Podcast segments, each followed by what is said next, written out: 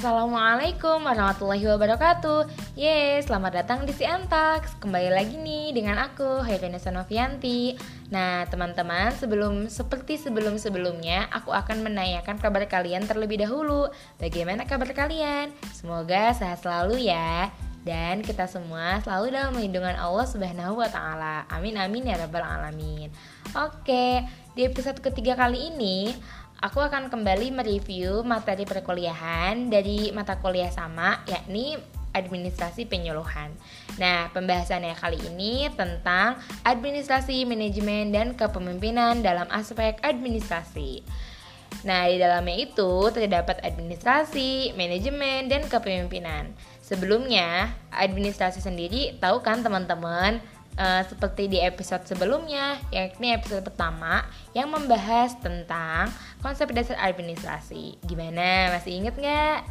Oke deh, kita toilet sedikit ya administrasi yakni ilmu terapan yang berkaitan dengan keseluruhan proses kerjasama atau kegiatan manusia di dalam kelompok sebagai upaya mencapai tujuan yang telah ditetapkan guna meningkatkan kinerja, produktivitas, efisiensi, dan efektivitas. Nah, inget kan? Oke, selanjutnya kita ke manajemen. Kata manajemen sendiri pasti kalian sudah sering ya terdengar gitu kan, bukan sesuatu yang asing yakni manajemen itu berasal dari kata manage to manage yang ber yang artinya mengatur.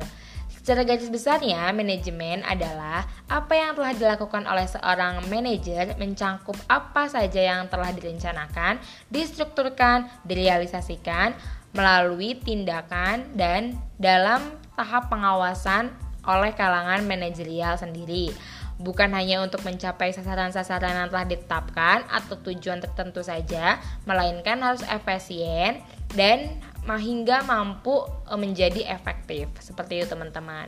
Nah, dalam manajemen itu terdapat proses yang dilakukan seorang manajer, yakni planning. Yang pertama yakni planning.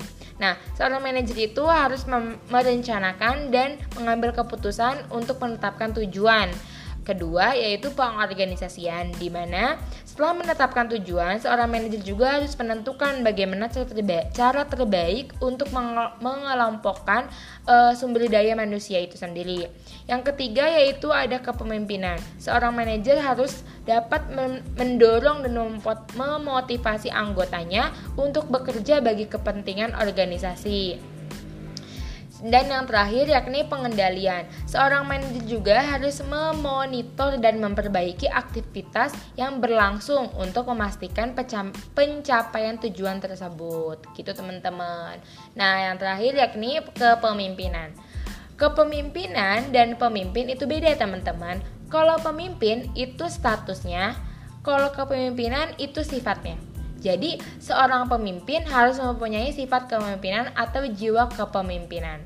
Nah, kepemimpinan sendiri yakni merupakan seni untuk mengkoordinasikan dan memberi dorongan terhadap individu atau kelompok untuk mencapai tujuan yang diinginkan.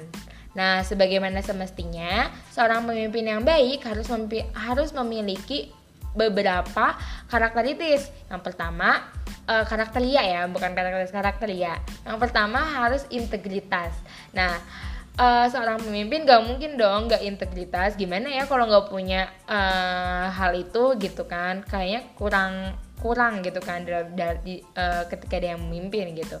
Kemudian harus cerdas ya seorang pemimpin harus cerdas. Kalau nggak cerdas dia akan dibodohi oleh anggotanya.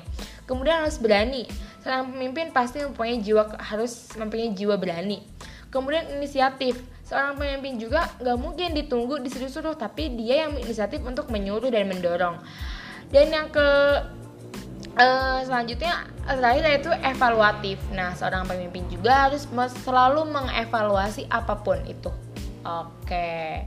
Nah, di ter yang terakhir yakni hubungan. Dari ketiganya itu saling berhubungan ya teman-teman. Hubungan antara ketiganya yakni administrasi ditempatkan sebagai perencana utama untuk mencapai tujuan, kemudian dimanage untuk menyelenggarakan perencana di manage di mana manajemen itu berfungsi inti dari uh, administrasi untuk menyelenggarakan perencanaan yang telah direncanakan dan kepemimpinan sebagai aplikasi dari perencanaan untuk pelaksanaan perencana tersebut agar mencapai tujuan yang telah ditetapkan. Seperti itu teman-teman. Oke deh, cukup sekian dari aku. Uh, semoga apa yang aku sampaikan bermanfaat bagi kita semua. Kurang lebih. Uh, oh iya, terima kasih sudah mendengarkan. Uh, see you next episode. Kurang lebih mohon maaf. Wassalamualaikum warahmatullahi wabarakatuh.